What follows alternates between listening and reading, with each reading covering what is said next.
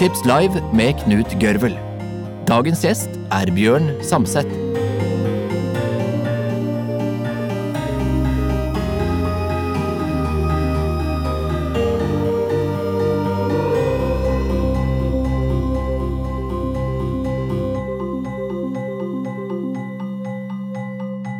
Bjørn Samset er fysiker, forsker og forfatter.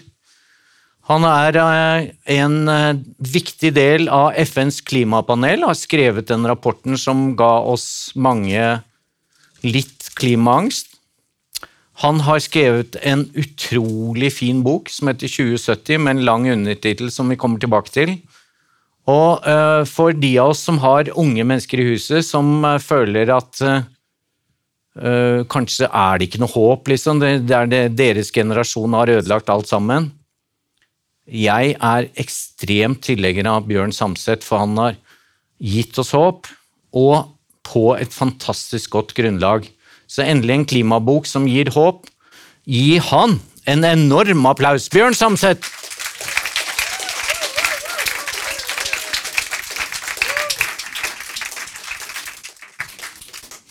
Ja.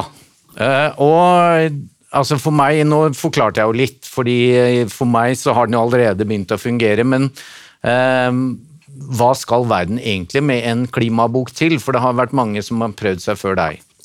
Det kan du lure på. Det er klart, Kunnskapen vår går jo stadig framover. Vi skjønner stadig mer. Og Det kan høres litt nerdete og forsket ut, men altså, herlighet er jo det vi trenger. Vi er jo en helt ny, unik situasjon. Vi har ikke gjort dette før. Vi har ikke prøvd å varme verden før. Vi har ikke prøvd å smelte alle isbreene før. Altså, og vi har i hvert fall ikke prøvd å, å hindre at det skjer før. Det er jo der vi er nå. Hvorfor har vi denne boka? Jo, så vi, vi, eh, vi vet jo mye mer, det er nå én ting. Men så er det også det at klimabøker og klimalitteratur har hatt en tendens til å være litt dystopiske. Og det er det nok en grunn til, fordi at lenge så har behovet vært å si ifra at 'hallo, dette her skjer, vi er nødt til å gjøre et eller annet, vi må komme i gang nå'. Men det opplever både jeg og mange andre at det har vi egentlig nå skjønt. Der er vi. Så Politikerne har skjønt det, næringslivet har skjønt det, folk flest har i stor grad skjønt det, med noen hederlige unntak. Og da trenger vi noe annet. Da trenger vi en bok som sier ok, hva gjør vi nå da? Vi har skjønt at dette er en utfordring, vi har skjønt at dette er vanskelig, men hvordan tar vi neste steg? Og Der finnes det jo egentlig også veldig mye både forskning og ideer og tanker. Vi har ikke løst det ennå, altså vi er ikke der, men vi har muligheter. Og De skal vi utforske sammen. Jeg kan ikke sitte her som naturviter og fortelle dere hvordan dere skal løse klimakrisen, men vi kan utvikle det sammen. Jeg kan Som borger så kan jeg være med og diskutere det. Så det, det er målet her. Gi kunnskapsgrunnlaget, sånn at alle som gidder å lese den og jobber litt med det, skjønner hva som foregår og hvorfor. Så tar vi det derfra sammen, for da klarer vi det. Eh, Vi skal komme masse tilbake til hvordan du har bygget opp boken, men jeg fortsatt, eh, vi har akkurat hatt et valg, eh, og også i Tyskland, hvor det ble litt mer av de grønne, men igjen tilbake til de unge, som i hvert fall jeg møter en del, så, så mener de at jo veldig mange snakker om miljø, og også politikerne, men er det faktisk noen som gjør noe med det? Du virker jo optimistisk på det, men jeg hørte Sylvi Listhaug i morges i Politisk kvarter, og hun sa vi må ha litt mer oljeboring her i Norge. Ja da, og klart, verden Har politikerne forstått det? Politikerne jevnt over har forstått det. Altså vi, vi, eh, verden ser litt ulik ut, litt avhengig av hvor man, eh, hvor man bor hen. Klart, Norge er en litt forunderlig boble oppe i nord. Vi er et veldig viktig land på veldig mange måter, men vi er også et litt spesielt land. Og klart, Politikken ser ut her som den ser ut av en grunn, og, og grunnen til rikdommen vår er en god del av den grunnen, for å si det sånn. Jeg har også vært igjennom en veldig artig øh, opplevelse nå, som var unik og ny for meg også, for ikke så mange uker siden, da vi hadde godkjenningsmøte for denne sjette, første del av den sjette hovedrapporten til FNs klimapanel. Og Der møtte jeg jo, jeg som forsker. Ja, for du er en av forfatterne av FNs Ja, rapport. en, av, en av de 200 som har vært med på akkurat den rapporten der. En av seks fra Norge, eller sju fra Norge som har vært med på akkurat den delrapporten. Og så er vi noen andre i de andre delrapportene også, så vi er omtrent 20 stykker fra Norge som har vært med på det. Godkjenningsmøte. Da er vi ferdig med rapporten. Da har vi levert den, og så skal den overleveres da til politikere fra 195 land, de som har bestilt rapporten. Og de er skerpe. Der er det miljøpolitikere som kan dette her steingodt, og miljøbyråkrater. Så de går gjennom det med, med, lykt og lupe og hva det nå skulle være. og Sjekke alle formuleringer. altså Sjekke at vi har gjort det riktig, og også sjekke at vi ikke går utafor mandatet vårt. For vi skal, som fra Klimapanelet skal vi si hvordan ting fungerer, hvordan fakta er. Vi skal ikke si hva folk skal gjøre, for det er det politikerne som skal jobbe med. Men den mottagelsen den får, altså 195 land som tar dette dønn seriøst, og der hvor de kommer med innvendinger, så kan det være på sånne ting som at de har ikke lyst til at den skal si ting som går på tvers av deres lands næringsinteresser. Det, det kan hende. Det, det, det, skjønner vi, for det, det, er det store politiske spillet. Men på faktagrunnlaget og på at dette er noe vi må gjøre noe med, det har alle skjønt, og der er vi. Det er én historie, og så en annen som er kortere. Det var For ikke så veldig lenge siden så var jeg holdt et uh, klimaforedrag som jeg er så heldig å få holde en god del av, hos um, uh, Finans Norge. Det var et helt stort auditorium men det, er jo hallelujastemning overfor grønn finans. Og når du har politikerne, og når du har storkapitalen, og når du har eh, i hvert fall de fleste politiske partier med deg, har du alt du trenger. Det her begynner å rulle. Så det, det som jeg syns eh, Det er fantastisk. Eh, fordi det er virkelig Si undertittelen, du òg. Oi, jeg husker hvordan alt, det Alt du ville. Vi hadde så mange varianter av den. Ja, ja. 2070. Alt du lurer på om klimakrisen, og hvordan vi kan komme oss forbi den. Og da er det, ikke sant, eh, Fortell litt om oppbyggingen av boken. fordi det er altså en bok 2070 er jo om 50 år, eh, eller da 49 nå. Men du har bygget den opp, men fortell hvordan du har bygget opp eh, selve boka. Ja, altså Den er jo egentlig en ganske streit fortelling av liksom, alt du trenger å vite om klimaforskning. Altså klart Jeg har en innledning hvor jeg snakker litt om møte hovedpersonen, klimaet sjøl og um, litt om liksom rammene rundt det hele. altså Jeg forteller hva klimakrisen egentlig er for noe. For det er jo et spørsmål, Hvorfor kan vi bruke et sånt ord som klimakrisen? Um, og så er det altså, hva er det faktisk som skjer rundt oss? Uh, hvordan vet vi, eller hvordan påvirker det oss? Hva, uh, hvordan vet vi at det er pga. oss, osv. Men så glir det videre på hvordan går vi egentlig fra klimaforskning og sånne fagrapporter som jeg sitter og bruker dagen min på, på å skrive, til noe som politikere faktisk kan bruke. Ære være de fleste beslutningstakere, de er flinke, men de pleier ikke å sitte og lese forskningsrapporter. Så vi må ha en overgang der. FNs klimapanel er en bit av det, men det er mye annet rart også. Og Så går det videre på hvilke scenarioer kan vi tenke oss? Hvordan, altså, hva skjer hvis det blir veldig varmt? Hva må til for at det skal bli veldig varmt? Hva skjer hvis det ikke blir fullt så varmt? Hva, eh, hvilke muligheter har vi der? Og så hvilke teknologiske, samfunnsmessige muligheter har vi for å styre mellom de forskjellige? Så er så klart en liten bit om eh, klimaskepsis, for det kommer man ikke helt unna. Jeg har noen opplevelser her som jeg følte for å skrive litt av meg, så de, de står også der. Men så kommer det som eh, satt litt langt inne for meg, men som jeg egentlig trives godt til slutt med å gjøre. Det er at det siste kapittelet er en fortelling. Siste kapittelet er nesten Ja, Vi skal tilbake til den. Okay. For eh, jeg synes at det som er veldig fint i begynnelsen av eller første halvdel av boka, er jo nettopp for å bli ferdig med klimaskeptikerne, for å fortelle faktisk hva vet vi?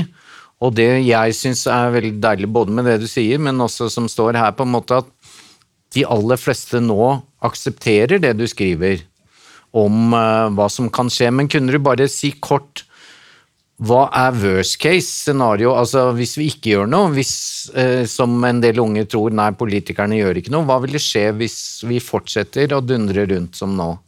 Det er der det begynner å høres veldig dystert ut. og Det, det er passe grusomt også. Altså sånn, i, um, det verste som kunne skje for, for klimaet, er jo om vi ikke hadde brydd oss om det i det hele tatt, og gjort det som var teknologisk og økonomisk enklest, som hadde vært å pushe på med kullkraft, med olje, med gass, og full spik på økonomisk utvikling, full økning i forbruket, bruk og kast-mentaliteten. Så Det er ikke at ikke vi skal ha bedre liv for alle i verden, men den der bruk og kast-tanken hvor alt koster energi, alt koster ressurser osv., det øker energibruken. Da får du mer bruk av olje, kull og gass osv.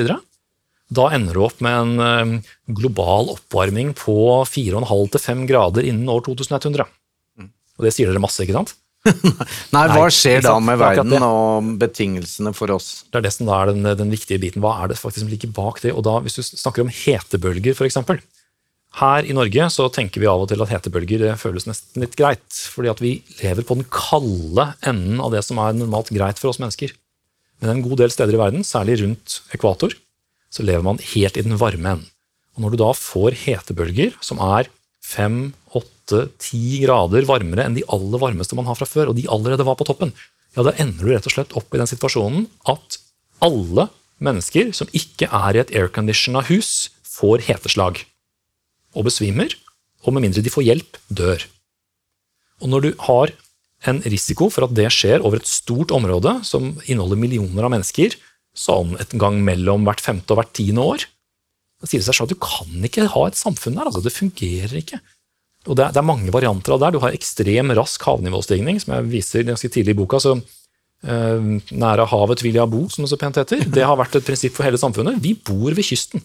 Og når havet da stiger med mellom 1,5 meter, 1 til 1,5 meter bare på de 60-70 årene fram til 2100, og bare fortsetter raskere og raskere etter det, ja, da må vi bare flytte vekk fra kysten, og da er det en par-tre milliarder mennesker som må flytte på seg. Altså, det er sånn, sånne det er vanskelig men, å lage Men det Men bare uh, ro dere ned. Dette var worst uh, case. Ja, det. Og det er ikke det du tror, for du beskriver sånn er det nå, og dette er fullt mulig å gjøre noe med. Ja. Fortell hvordan vi skal løse alt dette, da. Klart, altså, vi, vi mennesker er jo ikke dumme. Vi, vi, sitter ikke og bare ser Av og til tviler vi jo litt. Ja, jeg skjønner den. men, altså, men sånn normalt sett, vi, vi, vi, sitter ikke bare og ser på dette her skje. Folk kommer ikke til å sitte og liksom bare se på det der havet stige og si ja, kanskje det var litt dumt at det havet begynte å komme krypende oppover. Altså, vi, vet jo hvorfor det er sånn. Vi vet at grunnen er bruken vår av olje, kull og gass. Ikke olje, kull og gassen i seg sjøl, men de CO2-utslippene som kommer når vi eh, brenner den. Så løsningen er jo da å bytte over til noe annet. Vi har noe annet. Vi har sol, vi har vind, vi har for så vidt også karbonfangst og -lagring, som gjør at vi kan bruke fossile brensler, men fange opp karbondioksiden når vi brenner. Altså det er masse sånne løsninger som er litt vanskelige, og som kanskje gjør energien litt mindre lønnsom enn det den er i dag. Men da har du flytta det fra et sånn praktisk vanskelig problem over til et økonomisk problem. Og bare behovet blir stort nok, og konsekvensene store nok, så greier vi å gjøre noe med det. fordi at alternativet er enda dyrere. Så jeg er ikke et øyeblikk i tvil om at vi stabiliserer global temperatur igjen og får kontroll med klimaendringene lenge før vi kommer til det worst case-scenarioet. Men som vi dessverre ser, så er jo konsekvensene gufne allerede i dag. Jeg tror ikke du trenger å gå lenger sør enn til Tyskland for eksempel, og snakke med menneskene som bor der i sommer. Kan vi gjerne vi skal forske litt mer før vi finner ut akkurat hvor stor del klimaendringene hadde av den flommen som kom der.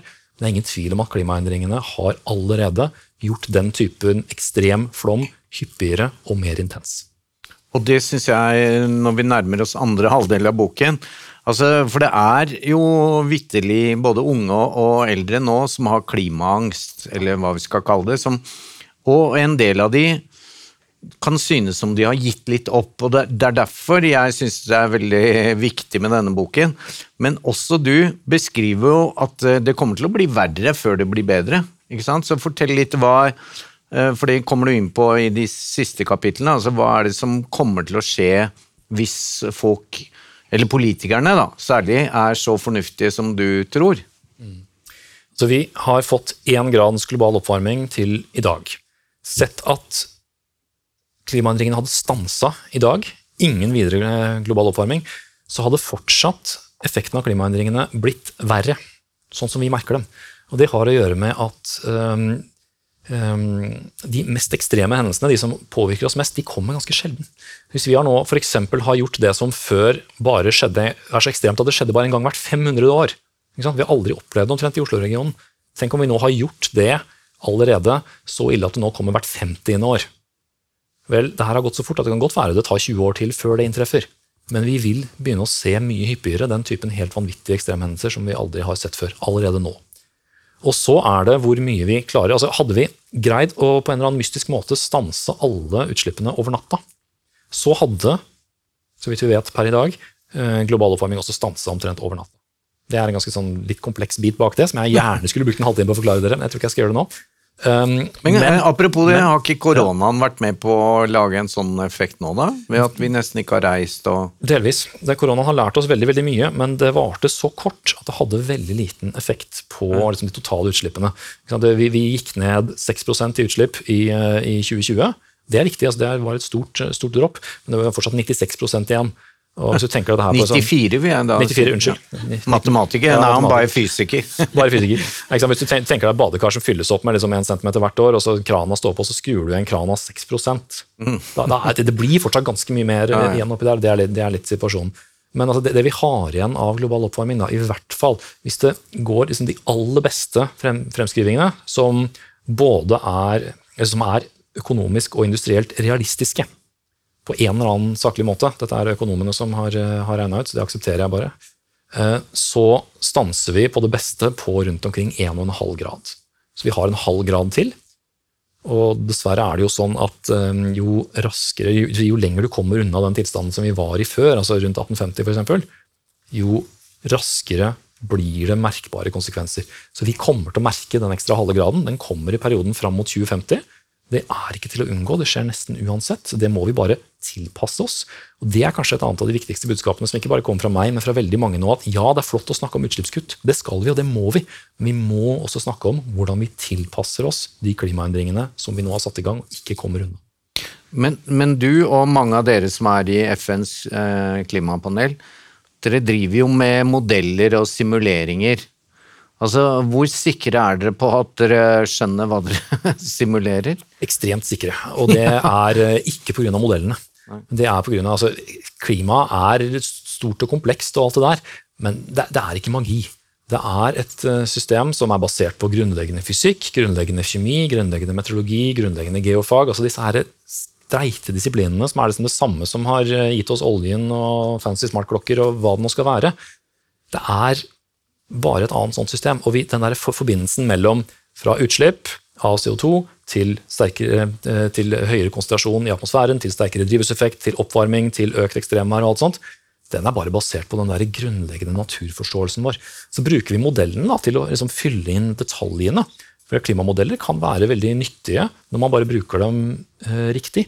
De kan fortelle oss da ikke bare at det blir varmere fram mot 2050 og da fram mot 20, 2070, og vi håper at vi skal ha fått stabilisert dette her, men også akkurat hvor varmt.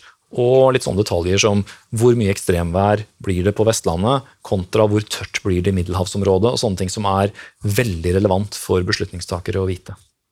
Du skal få til slutt snakke litt om siste kapittel, og sånt, som er utrolig interessant. Men før det Du har jo valgt et litt sånn pussig samarbeid i boken, for den er illustrert.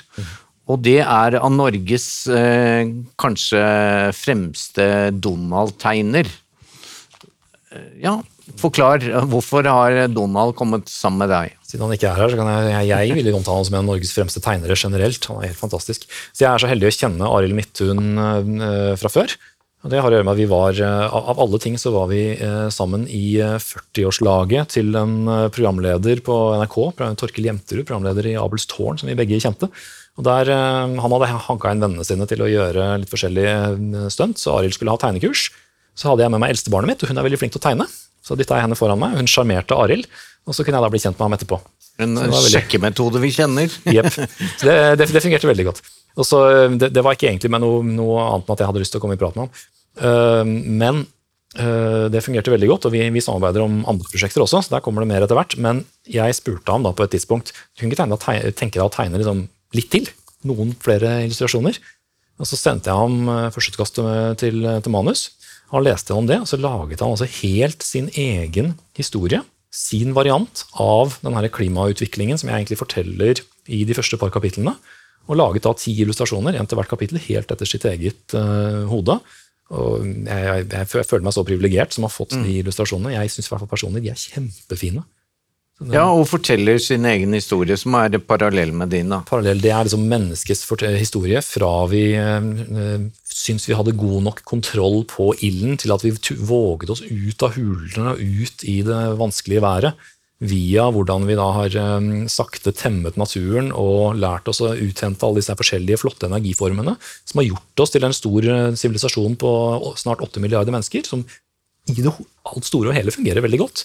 Men vi oppdaget da at dette her har en bakside, og vi nå må gjøre noe med det. Da kommer de siste illustrasjonene som blir gradvis mer dramatiske. Og når vi da nærmer oss dramatikken, fordi jeg hørte på radioen her forleden at um, naturlig nok, uh, især hvis du skal fremskrive noe, så er du jo opptatt av science fiction. Mm -hmm. Og uh, det er et uh, vanvittig fint uh, sluttkapittel som heter 2070. Fortell om det, og liksom hvordan du har lagt opp det.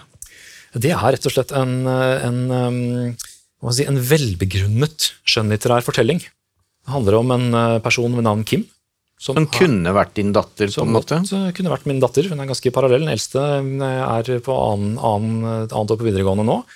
Og Kim, som jeg ikke spesifiserer kjønnet på, bare for å ha det helt åpent Kim er typisk det dere nok i forlagsbransjen vil kalle en sånn eh, cardboard character, eller sånn relativt flat, men det er helt bevisst. For jeg ønsker at alle skal kunne, kunne projisere seg inn i denne Kim, som da går ut av videregående nå i, eh, i sommer, og har 50 år med yrkesaktiv karriere foran seg. Fram til 2070.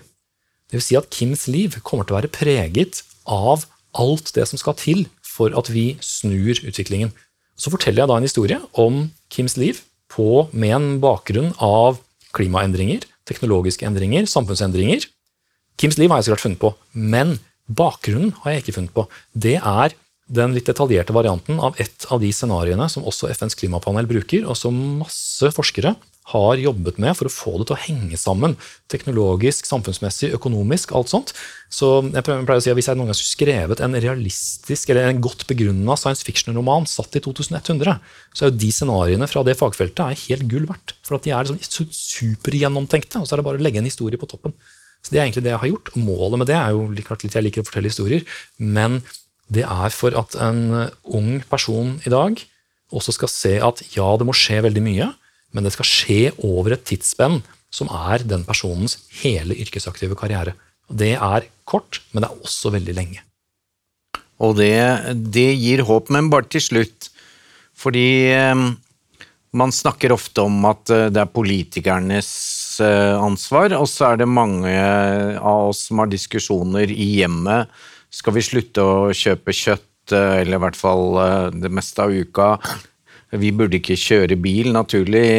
Elbil, jo, men det er masse asfalt som Altså, er det, er det samfunnet og politikerne som uh, avgjør dette, eller er det vi, eller uh, hvordan gjør vi dette? Ja takk, alle deler. Ja. Dette er felles. Altså, Politikerne må gjøre sitt. Det er klart det, for det er de som legger rammevilkårene for, eh, for samfunnet. Norge kjører, altså, eh, vi, har el, vi, har Tesla rundt i alle gatene her, delvis pga. elbilfordelene som ble lagt pga. grunn av, av norske styresmakter. Så, sånne ting fungerer. Så har vi også eh, næringslivet, som er nødt til å være med på, på leken og, og, utvikle de nye løsningene. Men hvem er næringslivet, da? Noe, altså, bedriftene er jo ikke noe annet enn det norske folk der vi jobber. Så vi kan også være med å påvirke der i veldig stor grad. Men så har vi livene våre også. Det er klart Vi kan ikke bare forutsette at alle andre skal gjøre noe. Man må legge om for vår egen del også, men det tror jeg ikke er noe stort offer nødvendigvis. For det er ikke noe, vi skal gå tilbake til 60-tallet. Vi skal bare gjøre ting på en annen og litt mer effektiv måte. Og så er det jo den enkle tingen at det beste vi kan gjøre nå, ikke fordi det er det beste i lengden, men fordi det er det beste på kort sikt, er jo å bruke mindre. Bruke mindre energi. Bare fordi at da reduserer du energibruken i verden, og Da blir det rett mindre som vi må få over på fornybar kraft. Så det gjør det bare glatter overgangen. Og Det er litt grunnen til at man snakker om at det er, det er, greit å roe ned forbruk. og alt sånt nå. Det er ikke fordi det nødvendigvis er noe galt på lang sikt når vi har funnet nye løsninger. Men per i dag så er det et problem, og derfor. Altså, folkens, det er håp. Det aller første man må gjøre for å gi håpet videre, er å kjøpe 2070 av Bjørn Samset. Gi ham en kjempeapplaus. Takk skal du ha. Tusen takk. Boktips, en podkast fra Cappelen Dam.